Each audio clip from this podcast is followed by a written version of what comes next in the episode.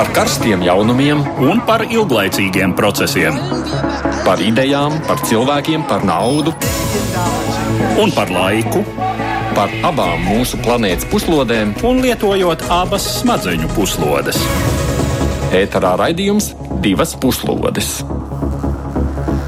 Pēc tam Sāns atkal jūs sveicina, laiks raidījumam divas puslodes, kad runājam par aktuālo pasaulē. Edvards Liniņš joprojām atvaļinājumā, tad pēc studijā esmu es un man studijas viesi, bet nu par tematiem runājot. Sīrijā draud vēl viena humānā katastrofa. Sīrijas valdība kopā ar Krievijas armiju ir nolēmusi atkarot pēdējo lielāko pilsētu, kas šobrīd ir nemiernieku kontrolē Idlibā. Dzīvo 3 miljoni cilvēku. Kādas ir cerības izvairīties no milzīgiem upuriem tuvākajā laikā? Zviedrijā šīs nedēļas beigās būs parlamenta vēlēšanas. Mūsu kaimiņos arī pieaug neapmierinātība ar imigrantiem, un krietni lielāks atbalsts varētu būt labējiem politiķiem. Kādas tad izmaiņas ir gaidāmas mūsu jūras kaimiņu valstī? Atgriezīsimies arī pie temata par Kataloniju un Spāniju. Spānijas premjerministrs grasās sarīkot referendumu par lielāku Katalonijas autonomiju. Protams, nekādas neatkarības gan nebūšot cik liela nozīme varētu būt šādam referendumam. Klausītāji, kā parasti, ir aicināti komentēt, sūtot ziņas mūsu raidījumam Latvijas raidījā viens mājaslapā, bet Twitter lietotāji lūgt ir vēl balsot, izmantojiet to iespēju. Šobrīd balsojiet par jautājumu, vai jūsuprāt lielāka autonomija noslāpēs tās neatkarības algas, kādas ir Katalonijā. Jā vai nē, jūs to jautājumu varat atrast Latvijas radio viens kontā. Mēs par šo tematu runāsim raidījuma beigu daļā. Studijā bez manis šobrīd ir Austrumēropas politikas pētījuma centra valdes priekšsēdētājs Ainārs Lērks. Labdien jums! Labdien. Un arī žurnālists Jūras Kāšas. Sveiki! Labdien! Bet vispirms mums ir ziņas īsumā par dažām citām aktualitātēm šajās dienās.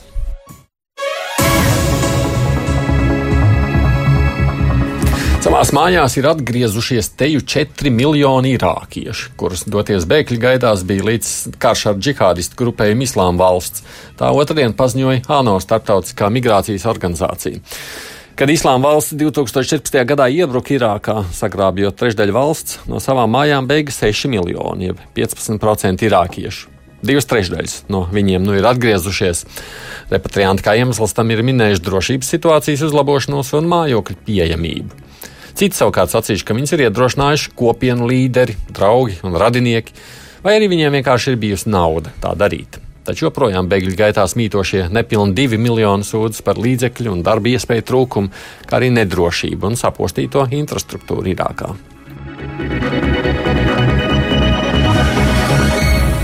Mjānmas tiesa diviem aģentūras Reuters žurnālistiem par mēģinājumu atklāt valsts noslēpumu ir piespriedusi septiņu gadu cietumsodu. Noslēpuma atklāšana ir izpaudusies, vācot materiālus par rokeņģu slaktiņiem.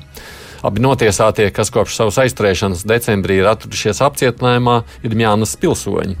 Reuters žurnālistu lieta ir izsaukusi starptautiskās sabiedrības sašutumu. Kā zināms, armijas tīrīšanas operācijas rezultātā 700 tūkstoši rokiņš bija spiest bēgt uz kaimiņos esošo Bangladešu, un viņi stāst par drošības spēku veiktajām izvarošanām, slepkavošanām un dedzināšanām. Krievijā oficiāli ir brīdinājusi ASV interneta giganta Google nejaukties svētdien gaidāmajās vietējās vēlēšanās. Izrādās runa ir par opozicionāru Navaļnī publicētajiem video vietnē YouTube. Viņš tur ir aicinājis cilvēkus protestēt 9. septembrī, kad vairākos Krievijas reģionos un Maskavā tiks ievēlētas reģionālās un arī vietējās amatpersonas. Krievija saka, ka šie video ir pretlikumīgi un brīdinājis, ka pret Google var tikt sākta tiesvedība, ja tā nerīkosies, lai video apturētu. Ārvalsts kompānijas jaukšanās mūsu vēlēšanās nav pieļaujama. Tā saka Krievijas pārstāvi, dodot mājienu, ka Vašingtona Google izmanto kā Krievijas ietekmēšanas instrumentu.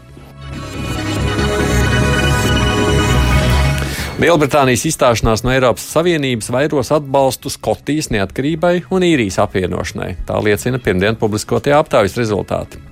Saskaņā ar aptauju 47% respondenti ir izteikušies, ka balsos par neatkarību, ja pēc Brexita tiks sarīkots referendums, bet vienotību šādā gadījumā būtu gatava atbalstīt tikai 43% aptaujāto.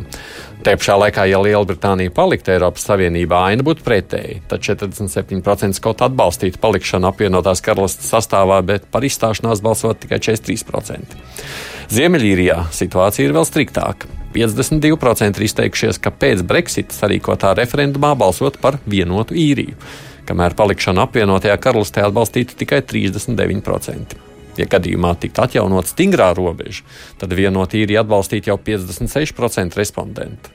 Savukārt, gadījumā, ja Lielbritānija paliktu Eiropas Savienībā, vienots īrijas atbalstītājs skaits būtu tikai 35%.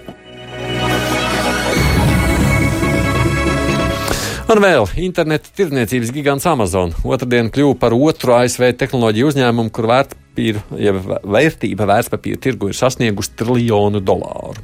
Šis panākums ir sasniegts aptuveni mēnesi pēc tam, kad šo tirgus kapitalizācijas līmeni sasniedz Apple. Pateicoties akcijas vērtības kāpumam, Jeffs Bezos, kas Amazon dibināja 94. gadā, tagad ir kļuvis par pasaulē bagātāko cilvēku. Analītiķi skaidro, ka akcijas vērtības kāpums norāda uz uzņēmumu potenciālu, neskatoties uz tā jau milzīgu apmēru. Jāpiebilst, ka Amazon akcijas fondu biržā sāk kotēt 1997. gadā.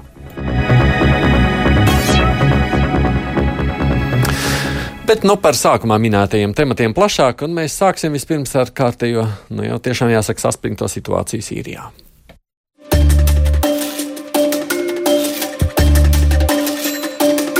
Sīrijas ziemeļrietumos esošā Idlibas province ir pēdējais nemiernieku kontrolētais apgabals Sīrijā. Šobrīd tajā dzīvo ap 3 miljoniem iedzīvotāju, no kuriem aptuveni trešdaļa ir nemiernieku un viņu ģimenes, kas tikuši evakuēti no dažādām Sīrijas daļām, pateicoties virknei ar Sīrijas valdību noslēgtu vienošanos. Šobrīd pieaug bažas, ka Sīrijas prezidentam Bašaram al-Asadam lojālie spēki sāks pilnu mērogu uzbrukumu pēdējiem lielākajiem nemiernieku anklāvam Idlibā. Pēdējās dienās aktīvisti ziņo par Krievijas veiktiem uzlidojumiem, kuros miruši arī vairāki civiliedzīvotāji. Krievijas ārlietu ministra vietnieks Sergejs Ribakovs norādījis, ka Idlibas liktenis būs skaidrs pēc piekdien gaidāmā Teherānas samita, kur tiksies Sīrijas, Krievijas un Irānas līderi.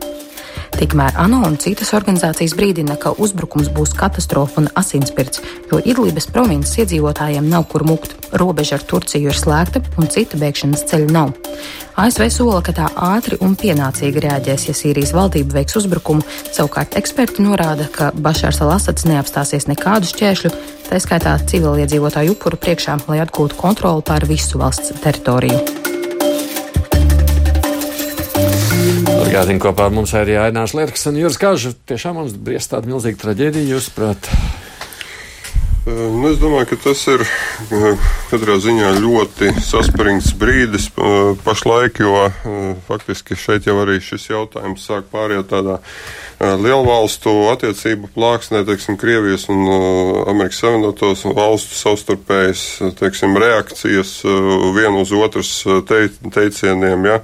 Nu, piemēram, teiksim, tas, ka Krievija arī faktiski ir izvietojusi jau līdz šim uh, lielāko uh, flotas grupējumu, pievilkusi pie, pie Sīrijas, kas tur jau, Sīrijas krastiem, kas tur jau faktiski jau labu laiku jau netālu atradās. Uh, tā tad raķešu kompleksus, kaujas, kaujas kuģi un pat divas zemūdens. Ja? Nu, tā tad uh, šeit. Uh, Šeit arī Krievija uzskata, ka Ehm, Amerikas Savienotās valstis arī, nu, teikt, savelk uh, savus uh, militāros spēkus un kaujas, kaujas floti, jā, vismaz uh, raķešu, raķešu kreiserus ar spārnotām, arī spārnotās raķetes un tā tālāk.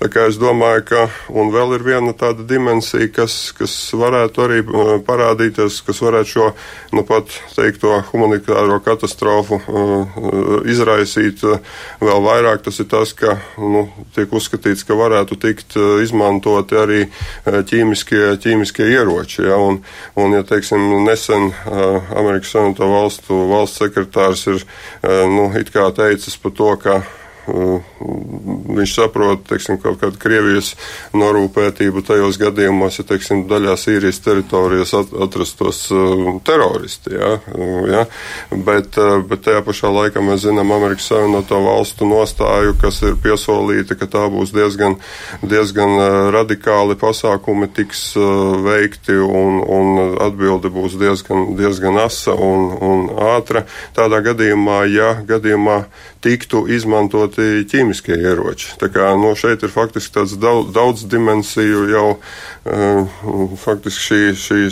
šis, šie procesi sāk, sāk notikt Sīrijā. Ja. Mm. Un plus vēl, protams, jau minētās arī Ir Irānas un Turcijas uh, ieinteresētība, uh, kā te tālāk virzīsies šie jautājumi, jo nestoties faktiski Turcija, nestoties uz to, ka, teiksim, nu, ir šī robeža slēgta ar, ar, ar Sīriju, ja, Nu, laika pa laikam, teiksim, Turcijas karaspēks arī ieiet zināmos Sīrijas reģionos. Tā, nu, tur jau šobrīd laikam, Turcija savelk savu karaspēku jā, tā, teiksim, robežas. Tas, tas, tas ir bijis. Spēcvienības ar tur ir iekšā. Un, un otrs, un otrs mm. ir tas, ka Turcija tomēr uh, uzskata, ka, nu, tādā tiešām asā krīzes situācijā kādreiz arī tas robežu slēgšana uh, nelīdz, teiksim, un, un visādā veidā cilvēki cenšas uh, robežu šķērsot. Nu, jā, glābt dzīvību. Un, jā, tieši tā, un, un tā kā, nu, Turcija Turcija savukārt uztraucās par to, ka apmēram miljonus bēgļu varētu šķērsot šo robežu. Protams, jā. Jo... Nu, tur ir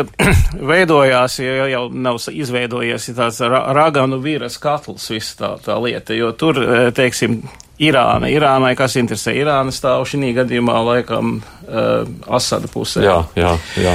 Un amerikāņi un Izrēla, uh, kas turpat tūmā arī ir. ir Tā arī nesaka, jā, saka, uh, nestāv malā. Nestāv malā, tie ir pat it kā pat bombardējuši kaut kādas Irānas vienības, kas ir pamanītas Sīrijā.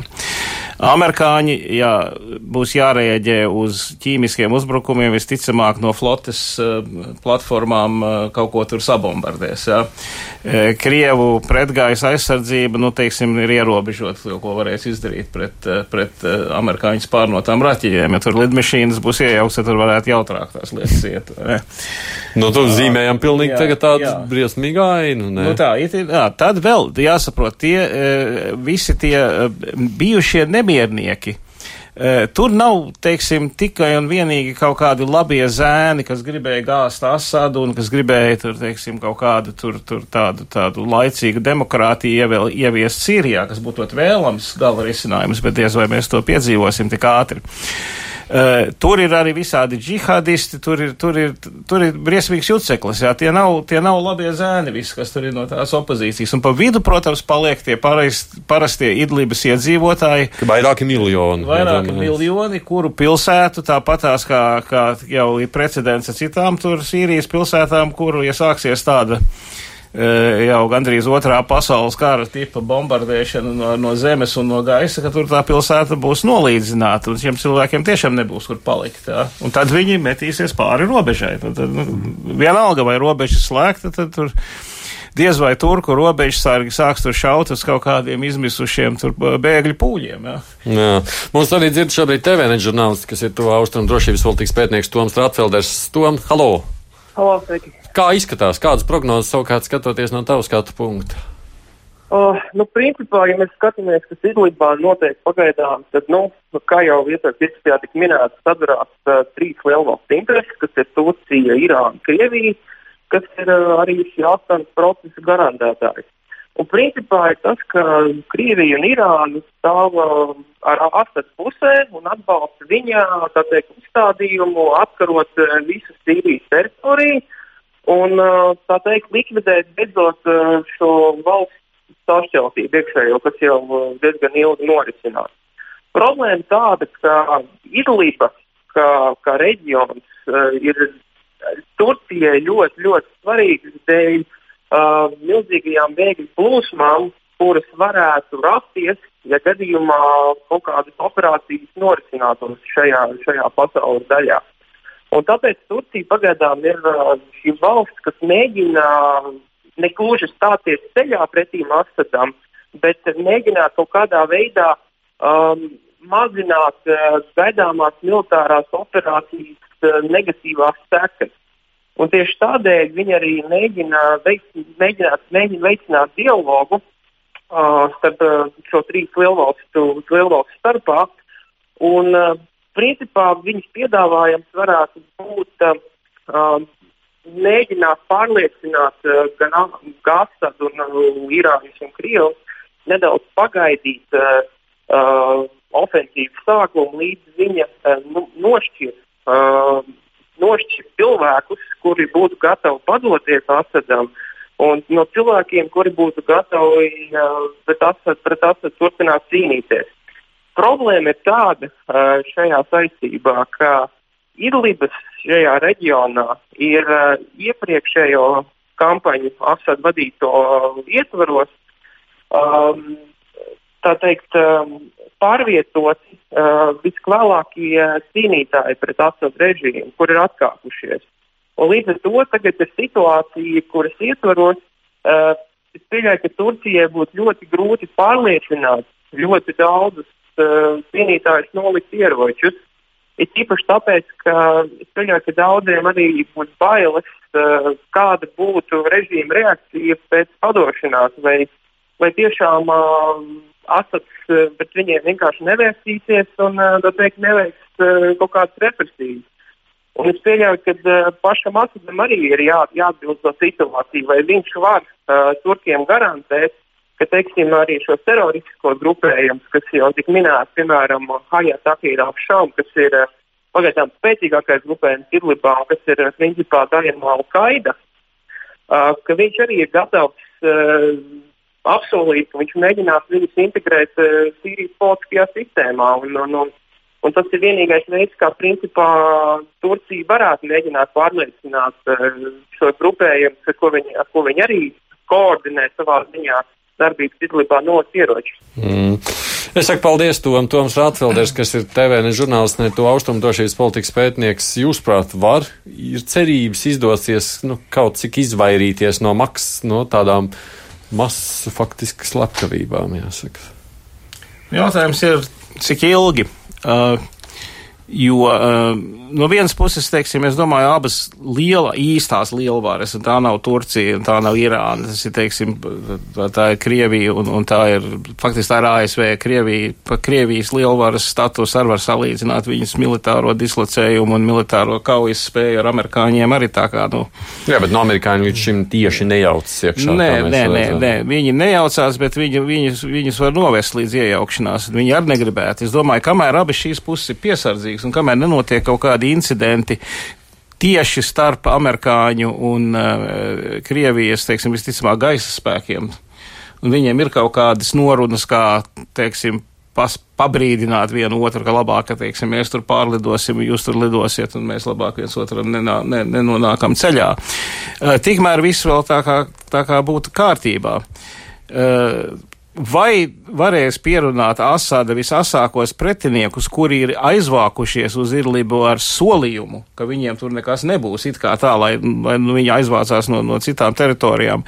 Un tagad, ka viņiem tur nāks virsū, un bez šaubām Asādas, Asādam nav absolūti nekādas atturas visus tos paņemt un, un, un, un teiksim, turpat jau vest uz mežu. Jā, tas, ir, tas ir vairāk kā skaidrs. Viņa, viņa priekšvēsture, viņš ir samērā asiņains diktators. Un, Un šitiem cilvēkiem kaut kādus iemeslus dot padoties vai, vai nolikt pie malas ieročus, eh, es domāju, tas nenostrādās vienkārši. Mm. No, jā, un tad ir tas jautājums, jā. ko darīt ar trim miljoniem parasto iedzīvotājiem, nu labi, tur sievietēm, bērniem, visiem pāriem, kas tur ir. Nu, jā, nu jautājums ir, nav jau īsti zināms tieši tā konkrētāk, pa ko 7. septembrī Teherānā varētu runāt Krievijas, Irānas Nu jā, rīt ir tā lielā tikšanās. Jā, tad, tad rīt ir šī, rīt ir šī un Turcijas pārstāvi, jā.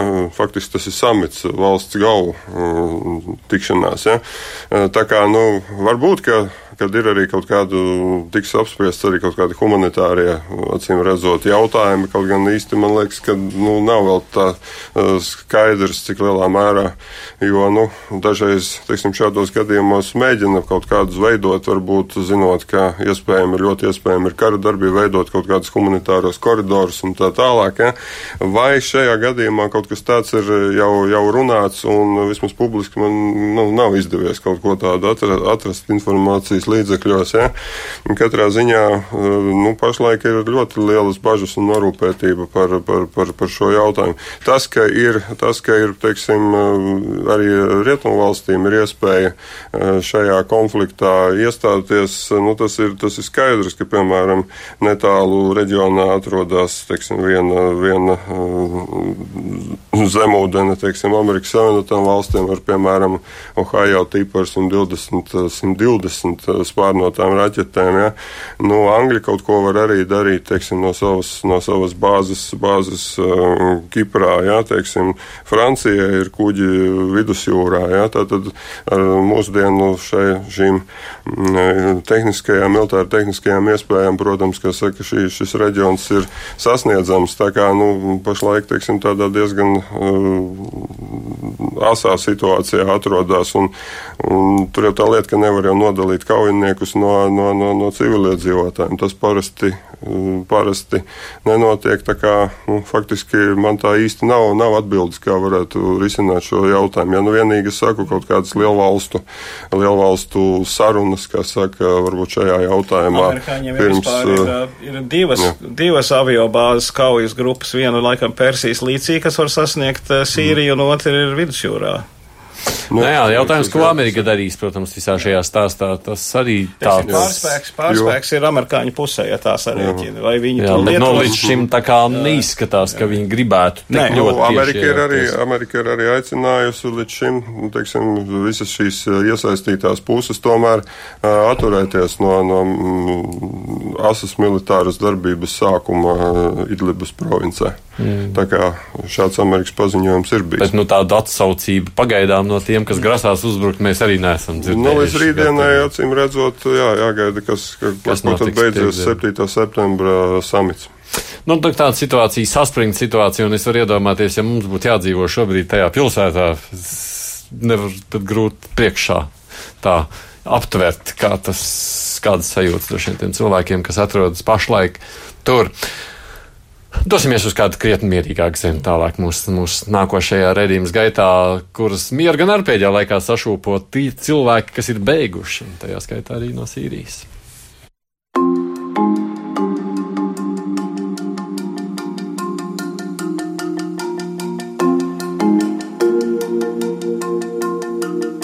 Pusgadsimtu pēc otrā pasaules kara Zviedrija šķita nesatricināma sociālās labklājības citadele. Valsts īstenoja savu tradicionālo neutralitāti, nepievienojoties NATO, distancējās arī no Rietumē Eiropas integrācijas procesiem un turpināja būvēt labklājības sabiedrību, kuras pamati bija likti jau pirms kara periodā. Pie valsts stūres 50 gadus nemainīgi bija Zviedrijas sociāldemokrātiskā partija, un tās līderis Tāge Erlanders palika premjerministra amatā veselus 23 gadus. Tikai par retam sociāldemokrātu paradīzes mieru iztraucēja kādas radikāli kreisos sarīkotas nekārtības vai Zviedrijas teritoriālajos ūdeņos nekaunīgi iepeldējusi padomju zemūdene. Pirmie simptomi, kas liecināja par šī zelta laikmeta beigām, parādījās 1978. gadā, kad uz ekonomiskās izaugsmes apsīkuma fona pie varas nāca liberāla konservatīvā koalīcija, kura kopš tā laika kļuvusi par sociāldemokrātu galveno sāncensi Zviedrijas politiskajā arēnā. Kā nozīmīgākais spēks šai spārnā izvirzījās mērenā jeb moderātu partija. Pirmais labēju uznāciens gan izrādījās nepārliecinošs. Mēģinājumi īstenot liberālāku ekonomisko politiku atdūrās pret varano Zviedru arotbiedrību pretestību un 1982. gada vēlēšanas atgrieza pie varas sociāldemokrātus ar Ulofu Palmi priekšgalā. 86. gadā Ulfs Palme tika nodurts Stokholmas centrā, un šī tā arī neatklātā slepkavība tiek piesaukta kā smagākā trauma pēckara Zviedrijas sabiedrībai. Tad nāca 1990. gads ar ekonomikas pārkaršanas izraisītu krīzi, strauji augošu bezdarbu, patēriņa cenu kāpumu un zviedru kronas kursa lejupslīdi. Labējo koalīcijas valdība ar Karlu Biltu priekšgalā iecerēto reformu vietā savus pūliņus pamatā veltīja izmisīgiem un dārgiem finanšu sektoru glābšanas pasākumiem. Krīze mainīja Zviedru ierasti skeptisko nostāju pret Eiropas Savienību, un Zviedrija pievienoja Savienībai 1995. gadā, kad pie varas jau atkal bija sociāldemokrāti ar Jeronu Pēšonu priekšgalā. Jaunajā gadsimtā Zviedrijas valsts vadībā viens otru vēl pareizē nomainījuši labēji un kreisi ievirzītie kabineti, pie tam kopš 2010. gada tās bijušas mazākuma valdības, kuru pastāvēšanai ir labēlīga Zviedrijas politiskā sistēma. Pēc 2014. gada vēlēšanām ap mēreno partiju centrētās alianses Zviedrijai valdība Frederika Reifelta kabinets nodeva varas stafeti sociāldemokrāta Stefana Levēna mazākuma kabinetam. Sociāldemokrātiem pirmo reizi pēckara vēsturē nācās dalīt varu ar koalīcijas partneri Zaļo partiju. Tikmēr uz Zviedrijas politikas skatuves uznācis jauns agresīvs spēks - partija Zviedru demokrāti, kuru saknes meklējams pagājušā gadsimta Zviedrijas fašistu kustībā. Ar anti-imigrācijas un nacionālismu retoriku un pamatīgu populismu devu šī partija arvien kāpinājuši savu ietekmi. Rikstāgā demokrāti gan līdz šim bijuši striktā izolācijā, taču tradicionālo Zviedru partiju arvien rūkošā ietekme pēdējā desmitgadē liek jautāt, vai tā tas paliks arī pēc 9. septembra vēlēšanām. Priekšvēlēšana aptāju dati sola Zviedru demokrātiem jaunu ietekmes lēcienu. Tāpat savu vietu Rikstāgā varētu kāpināt kreisā partija, bijušo Zviedru komunistu mantiniece. Divas puslodes! Studijā šobrīd tad Austrumēropas politikas pētījuma centrālās priekšstādātājs Enārs Lerks un žurnālists Jūras Kāža. Jūr, tu taču arī sirdī mazliet zviedrs, vai nu, ne? es tur nodzīvoju savu laiciņu, jā. Nu, Ko tu saki par šo gaisotni? Kā tā gaisotne ir tāda, ka, ka man nesen bija, es pusdienoju vienu tādu ilgadīgu zviedru paziņu, kas arī dzīvo Rīgā, gan arī bieži Zviedrijā ciemojās, un viņiem liekas, ka te būs ļoti grūti kaut kādu koalīciju sastādīt, jo um, līdzīgi gandrīz kā, kā Latvijā ir viena, viena spitālīgā partija, kurai viens netuvojās. Jā. Uh, un, Mūs un, saskaņa? Jā, nu, teiksim, tā kā, tā kā šie Zviedrijas demokrāti, Sverija demokrātenā, ir, ir tā kā, nu, tā kā tāda saskaņa, kur visi pateikuši, ar viņiem nē. Nu, kaut vai jebkas, bet ar viņiem nē. Uh, Uh, un, um, bet izskatās, ka, ka, ka, ka būs lielas grūtības. Uh, sociāldemokrātu popularitāte ir sarukusi. Uh, otrs lielākais spēks valstī ir Zviedrijas demokrāti pat labāk pēc mhm. dažām aptaujām. At tie, no tie, ar kuriem neviens nerunā. Jā, un tad tur ir Tad tur ir arī dažādas tādas samērā savstarpēji pretrunīgās partijas. Kristīgie demokrāti varbūt tik sakal atpakaļ parlamentā. Viņi bija šeit līdz šim, bet viņiem bija nokritušies reitingi, tagad ir uzkāpuši. Uh, šie minētie mērenie moderātie bijušā alianse, tu Viņi varētu mēģināt saķibināt kaut ko kopā, sociāldemokrāti varētu mēģināt atjaunot vecos labos laikus, kad bija sociāldemokrāta mazākuma valdība un komunisti kaut kā sēdēja kaktā un neko tur ne, ne, ne, netraucēja viņiem. Jā. Uh, bet tas viss bija pirms parādījās šīs Zviedrijas demokrāti, kuriem tomēr ir kaut kāds itin būtisks tautas atbalsts, tostarp arī cilvēki, kas ir pārbēguši no sociāldemokrātiem. Ja, no, tā, no tās samērā tādās vienkāršās zviedru strādniecības, kas ir bijis vienmēr šīs sociāldemokrāta partijas mugurkauls, kuri ir satracināti pa visādām tur, tur imigranti nāk, imigranti atņems mums darbu, imigranti tur uh, ir, ir, ir pārreprezentēti dažādās tur noziedzībās un tā, un tas tos cilvēks tā kā Mm. Satracina. Un Zviedrijas demokrāti arī tādu maigāku un mīlīgāku seju parādījuši pēdējā laikā. Aha. Ko jūs sakāt par visu šo? Nu jā, Zviedru demokrāti vismaz eh, maijā un tad uz priekšu, tā teikt, turpmākajos mēnešos faktiski dažādas socioloģiskās aptaujas parāda, ka vismaz vairāk nekā 20% balsu varētu iegūt. Ja? Un tad mēs redzam arī šajā Zviedrijas politiskajā spektrā, Uh, nu jā, faktiski abi teiksim, tādi galējie flangi, gan, gan kreisais, gan labējais, nu, faktiski iegūst ar vien vairāk, ar vien vairāk potenciālo balsu, cīm redzot, varētu iegūt. Ja? Un šeit nav runa tikai par, par, par parlamenta vēlēšanām, ir jau arī reģionālās, teiksim, pašvaldību vēlēšanas arī uh, Zviedrijā. Ja? Tā kā tas būs bez maz vai visos, mm. visos pārstāvniecību līmeņos. Ja?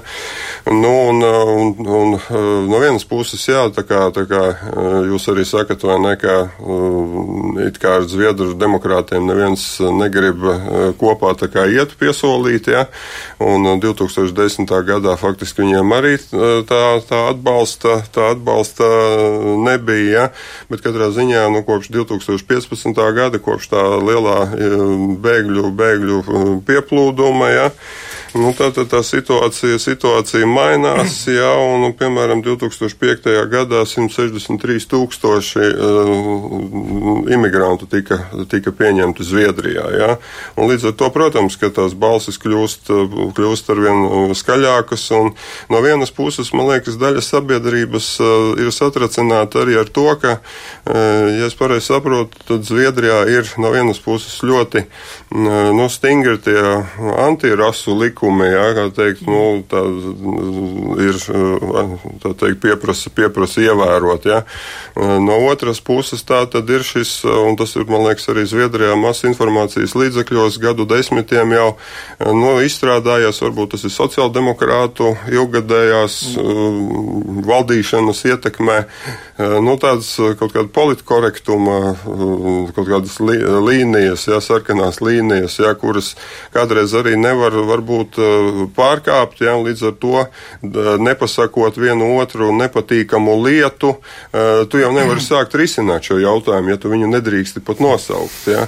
Un līdz ar to, man liekas, tāds pārspīlēts korektums arī šajā imigrācijas jautājumā Zviedrijā bijis. Ja. Un, un, protams, šādos, šādos gadījumos, nu, kaut kad jau, kā saka, pudelē tas korķis nāk vaļā. Ja.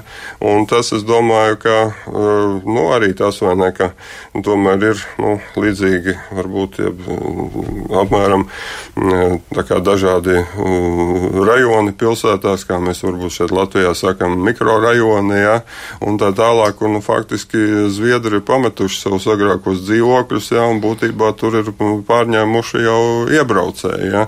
Un, protams, ka kaut kāda, teiksim, morāla pretestība sabiedrībā, acīm redzot, par to lietu pieaug, kas varētu vēlāk arī izvērsties balsojumā vēlēšanās. Mums arī ir šobrīd kolēģi žurnālists Sandra Veinberga. Sandra, halo! Halo! Labrīt!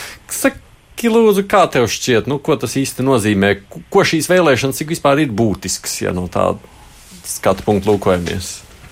Nu, visas vēlēšanas jau ir būtiskas, un es domāju, ka arī šīs Zviedru vēlēšanas varētu būt diezgan nopietnas Zviedrijas attīstības traucētājs, tā teikt, jo, piemēram, šodien lielākā rīta avīze tagad Ņēter ir izsludinājusi pazīstama aktiera Šela Berkvista aicinājumu uh, pa visiem protestēt pret Zviedrijas demokrātiem ar lozungu vienalga, ko tikai ne Zviedrijas demokrātus. Un viņš pats organizē ļoti lielu Facebook grupu un tā protesta kustība pret Zviedrijas demokrātiem šobrīd uh, ir diezgan augstu vilni Zviedrijā. Pat tā izšķiršanās par ko tad ir? Īsti? Nu, es uh, daļēji piekritīšu Jurim, iepriekšējiem runātājiem, ka, protams, lielākā partija joprojām ir sociāldemokrāti. No nu, apmēram 27% viņiem šobrīd ir šurp turp svārstās tie rādītāji. Otrā joprojām ir galvenais konkurents Zviedrijas demokrātiem, tā ir moderātība konservatīvā partija, ko Latvijā vislabāk pazīst kā Karla Bilta partija. Tā joprojām ir otrā lielākā partija. Nu, nepatīkams ir fakts, ka Zviedrijas demokrāti šobrīd ir savākuši apmēram tikpat daudz balsu kā moderāti, jeb konservatīvie. Tātad tā ir trešā lielākā partija šodien.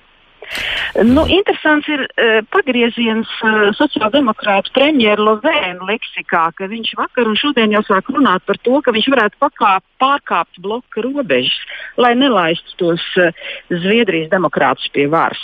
Respektīvi, ja līdz šim sociāldemokrāti un Lovēns vienmēr ievēroja kreisā bloka robežas un ja veidoja koalīciju, tad tikai kopā ar bijušiem komunistiem, jeb kreisajiem un vidas partiju, jeb zaļajiem.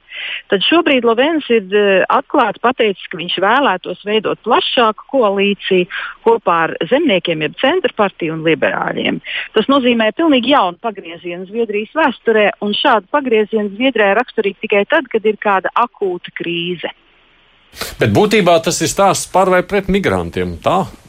Nē, tas nav tiešām par vai pret migrantiem. Es arī visu laiku gaidīju, ka galvenais jautājums, kas Zviedrijiem vēlēšanās būs, būs šis migrantu jautājums, jo Latvijā mēs ļoti plaši patērējam krievu mēdīs, un tur, protams, ir diezgan daudz viltus ziņas par to, ka Zviedru lūk, rajonus pamet Zviedri, ko es neesmu novērojis ka Zviedri ļoti saprot par šo migrācijas procesu. Nē, migrācijas jautājums nav Zviedrijas vēlēšanās pats galvenais jautājums. Kas tad ir? vidas jautājums, vidas piesārņojums un veselības aprūpe. Hmm. Tas nozīmē, ka tas jau stāsta par zaļo partiju, nevis Zviedrijas demokrātiem. E, es domāju, ka nav tieši tā par zaļo partiju. Zaļā partija ir diezgan spēcīga un vienmēr bijusi aktīva, un jaunieši ir vienmēr balsojuši tieši par zaļajiem, jeb par feministu iniciatīvu. Bet es domāju, ka te ir daudz plašāk klimats jautājumi pacelt. Eh, tie saistīti ar Zviedrijas uzņēmumiem, ar, ar, ar uh, alerģijām, ar vidas piesārņojumu, ko īpaši jaunā paudze ļoti aktīvi uztver. Hmm. Paldies, Sandra Veinberga, kas ir žurnālists, protams, arī tādā pašā veidā, man jāsaka, sirdī daļēji Zviedrijas cilvēks, mm. vai ne? Bet, ja mēs skatāmies uz visu šo kopumā, tad sanāk tā sociāla demokrātijas ideja, nu, ko mēs vienmēr esam tā kā asociējuši Skandināviju un Zviedriju, tad tā vairs nepaliek tik būtiski, ka parādās citas nu, svarīgāk. Viņa paliek, lietas. teiksim, viņa ir miera kompromisēta. Nekas jau tur netiks at, attīts atpakaļ, jā, uz pirms 30 gadiem vai, vai kaut ko tādu. Tā, tā, tā sociāldemokrātiskā sistēma ir dziļi iesakņota, tā labklājības valsts, visi tie vecāku pabalsti, vispārējais, tas tur, tas tur rulē tālāk, jā, tas, tas netiks mainīts. Jautājums ir, kā politiski to tagad uh, apmanevrēt Zviedrijas demokrāts, un to es mazliet nepiekritīšu Sandrai. Eh, jo man liekas, Zviedrijas demokrātu galvenais jājams zirdziņš ir imigrācija. Jā. Tas, ir, tas ir, par ko viņi ir ieguvuši visu šo atbalstu. Citādi jau viņi tur arī viņi it kā tā kā atbalsta Zviedrijas labklājības valsts modeli un tā tālāk. Viņi neko tādu tur pārāk traku un radikāli nav teikuši. Jā. Bet, bet nu, viņi, viņi viss tā tā problēma ir tagad kā telpā ir ieradies un arvien lielāks audzis šis lācis vai, vai zilonis, jā, kas tur sēž. Un šis zilonis ir spitālīgs un riebjās visiem pārējiem. Kā mēs viņam apiesim apkārt un kā mēs tagad tur sadosimies rociņās kaut kur stūrī un teiksim, tā mēs esam Zviedrijas valdība, jā, jūs tur paliekiet savā stūrī un rūciet uz mums, jā. Mm. Uh, no otras puses, stāsts savukārt par vidi kā tādu. Mums, man liekas, Latvijas vēlētājiem tas nekad nav šķits tāds, mm, par ko varētu izšķirties, kāpēc balsot vai nebalsot. Nu, tomēr pilnīgi cita gaisotne, tā varētu teikt. Es domāju, ka, ka mums varbūt nav uh, šie vidas jautājumi. Mums bija tīpaši kā atmodas laikā, kā viens no svarīgiem jautājumiem bija, teiksim, es atceros vidas, vidas, arī, uh, vidas arī jautājums. Ja? Nu, tomēr, kā saka, rūpniecība Zviedrijā, kas saka, ir spēcīgāka ar visām, mm. varbūt šoreiz arī izrietošām netik pozitīvām, netik pozitīvām sekām. Jā, tā kā tas ir, tas ir pilnībā, pilnībā saprotams. Otrs, kas ir, tas jau ir pierādās arī dažādu valstu politiskajā praksē, jā, ka, teiksim, sākot no 70. vairāk pat 80. gadiem, vai ne, tātad šie zaļo, zaļo kustību, zaļo idejas, tas jau ar vien vairāk, jā, un, protams, Zviedrija nav izņēmums, kas, kas teiksim, arī, arī šādā veidā pozicionējas noteikti politiskie spēki caur šo zaļo ideju un vidas, vidas ideju katrā ziņā. Pabeidzot šo tematu par Zviedriju un ķeroties tulīt pie nākošā jautājuma. Kā tad mēs varētu secīt, mainās Zviedrijā politika, nu tā būtiski, un tagad būs cita politiskā ēra, jūsuprāt, vai nē? Būs varbūt īslaicīgs šis starp, starp, būs īslaicīgs šis starpbloku kompromisa laiks. Uh, kamēr, kamēr, jā, nu, teiksim, nākamais mandāta periods, kamēr, teiksim, samazināsies imigrācijas tempi, tiks integrēti tie, kas jau ir ieradušies, nomierināsies viss šis ļambasts. Mm un, un, eh, un eh, lielais zilonis eh, sāks sarukt. Un viņš te varēs tur kaktā sēdēt neievērots, un, un, un, un neviens par viņu vairs nesatrauksies. Es domāju par Zviedrijas demokrātiem. Bet Jānis prasa, vai Zviedrijas demokrāti draudzējas ar Kremli? Krieviju?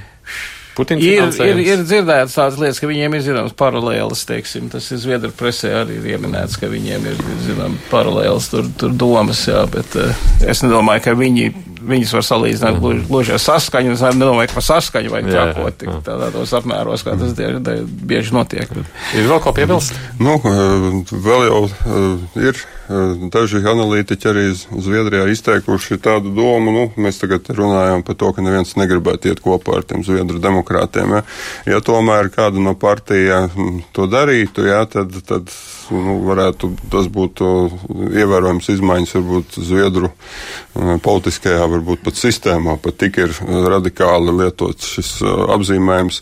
Nu, Pirmkārt, tiek domāts, ka varbūt neliela daļa no līdzinājās moderātu partijas pārstāvjiem varētu tur arī varbūt tomēr pieļaut kaut kādu iespēju. Bet nu, es domāju, ka, nu jā, visi, visi acīm redzot apskatīsies vispirms vēlēšanu rezultātus un tad domās, ko tālāk darīt. Katrā ziņā es piekrītu Jurim, ka tāds zināms pārējais periods acīm redzot būs, kas varētu būt atšķirīgs varbūt no iepriekšējiem gadu desmitiem Zviedrijā. Vēl viens temats mūsu uzmanības lokām. Atgriežamies pie jautājuma par Katalonijas patstāvību.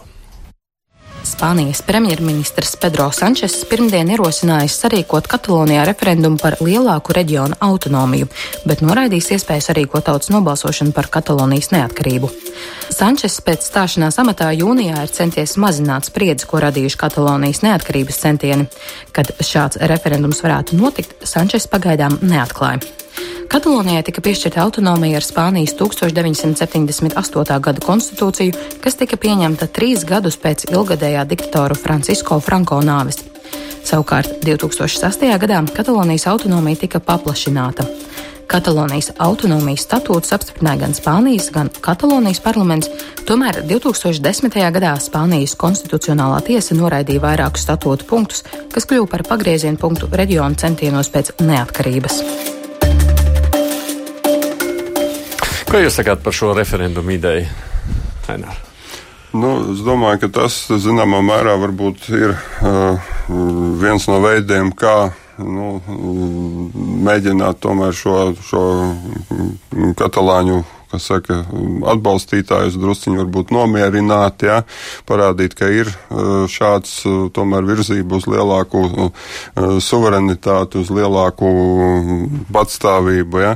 Nu, šeit arī jāskatās ir Spān situācija Spānijas nu, kopumā, arī uh, politikā, ja, kur, teiksim, Spānijas premjera, tātad šī, šī valdība kaut kādā mērā parlamentā, teiksim, ir atkarīga arī no uh, no katalāņu pārstāvju teiksim, atbalsta ja, kopējā teiksim, Spānijas, Spānijas parlamentā. Ja.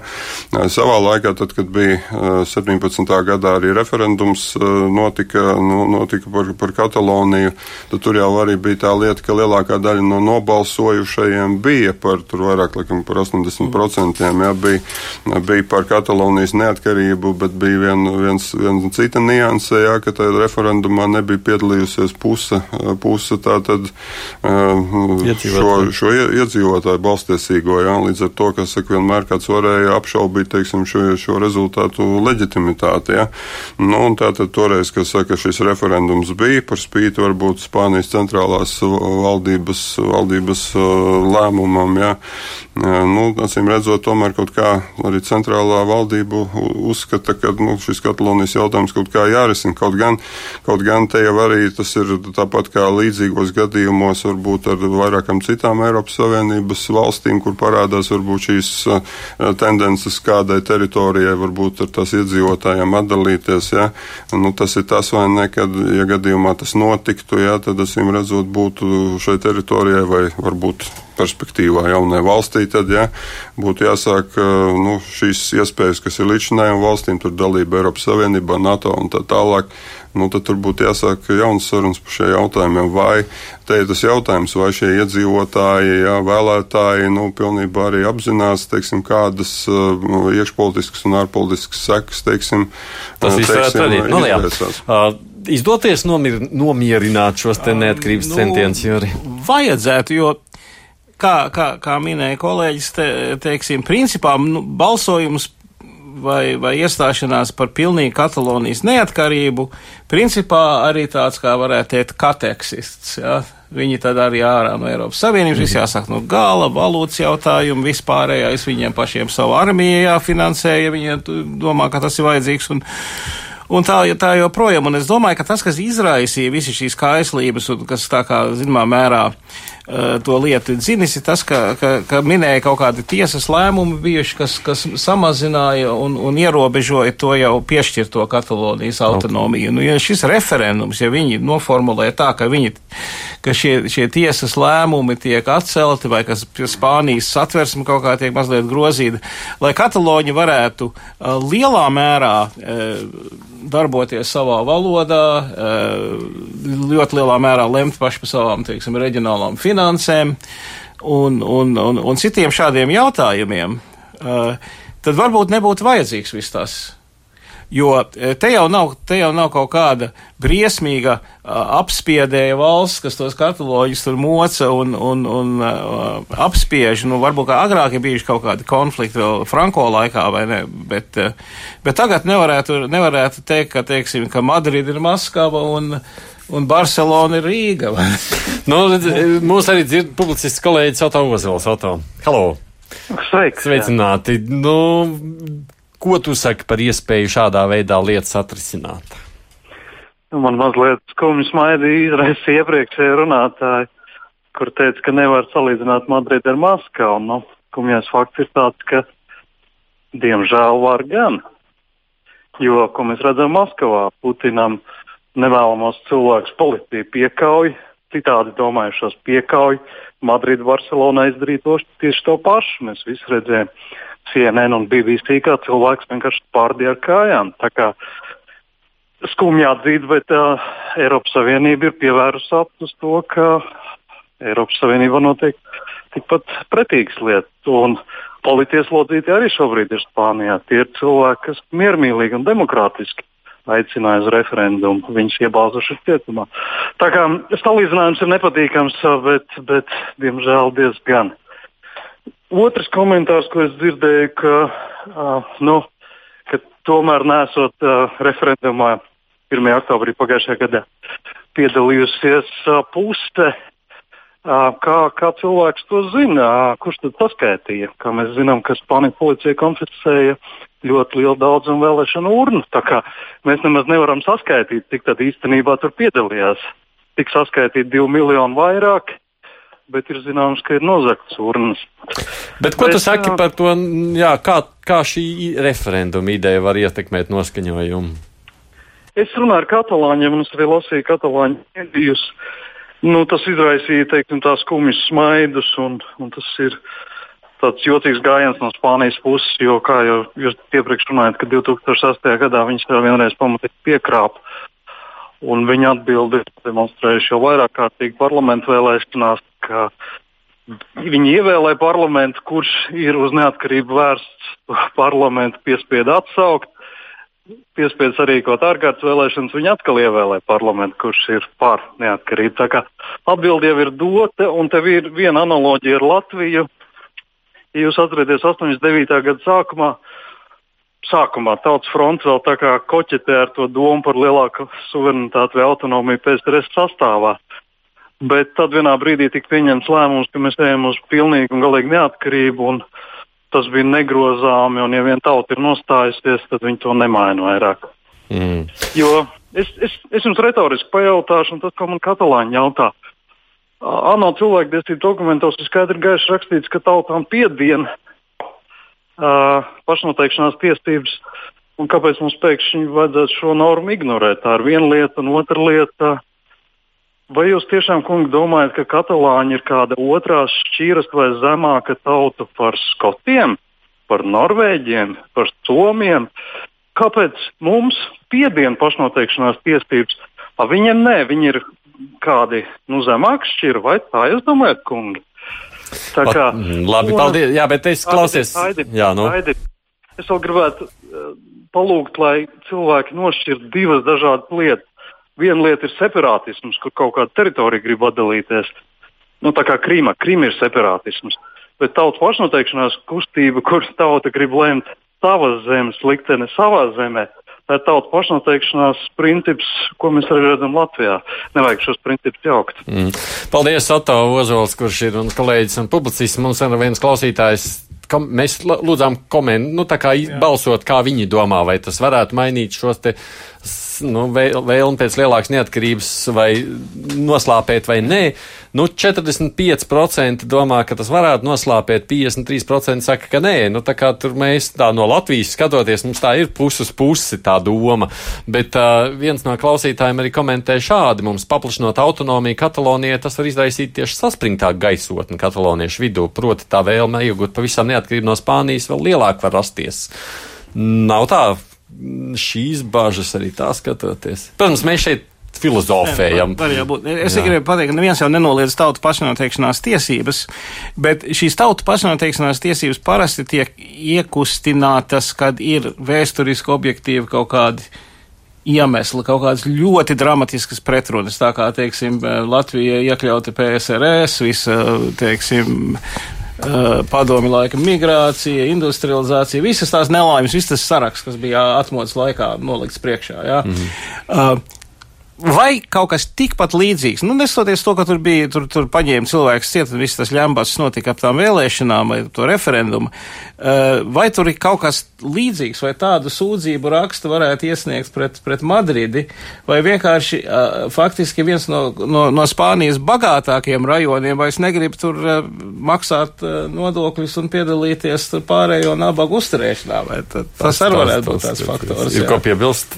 Jā, nu te ir tas tā mūžsanā pretruna faktiski, ja starp uh, diviem principiem, nu, starptautisko tiesību speciālisti varētu precīzāk izteikties, ja, bet starp diviem principiem, ja no vienas puses nācija pašnoteikšanās tiesības, ja, kurām ir tiesības pastāvēt, ja? un otrs, otrs ir teikt, šis, kaut kāda valstu teiksim, šo, šo nedalāmības, teritorijas nedalāmības vai teritoriālās integritātes jautājumu. Un šie divi principi, teiksim, gan starptautiskajā politikā, un arī starptautiskajās tiesībās, viņi atrodas kaut kādā konfliktā. Un tad, kurā gadījumā teikt, tas, tas viss ir, un tā kā arī šeit bija teikts, vai ne, ka tās izmaiņas notiek tiešām tādos radikālos momentos momentos. Latvijas gadījumā jau vēl bija viena lieta. Ja? Faktiski jau var teikt, ka Latvijas, Latvija jau pašnoteicās 20. gadu sākumā īstenoja savas pašnoteikšanās tiesības. 91. gadā mēs atjaunojām būtībā. Ja? Tā kā, tā kā tas, tas arī, teiksim, kā, kā ir nu, vēsturē, teiksim, Katalonijas, ja tu tur varētu, varētu papētīt, protams, tādā ziņā, cik, cik lielā mērā viņi varētu balstīties uz kaut kādu savu agrāko statusu vai kaut ko tam līdzīgu. Ja? Tā kā šie divi principi principi joprojām jo, jo, jo cīnās, un neviens ne otrs nav absolūti, un neviens ne otrs iespējams nav līdz galam taisnīgi. Nu, tas viss būs acīm redzot lielā mērā atkarīgs no pašiem katalāņiem. Cik viņiem ir tas noskaņojums nopietnas, nezinu, kā lai to vārdu varbūt citu jāatrod, ja, cik viņi ir gatavi par to patiešām tādā veidā cīnīties, nu, kas maksātu viņiem vairāk nekā, nekā vienkārši tā aiziet uz referendumu un nobalsot. Bet, nu, lūkosim arī vēl jau šobrīd par to pašu referendumu, nekas vairāk nav izņemot premjeru izteikums, ka tāds, nu, tā kā vajadzētu būt jāsaka. Lēmumu jau nav vēl, jā. Jā, lēmumu nav.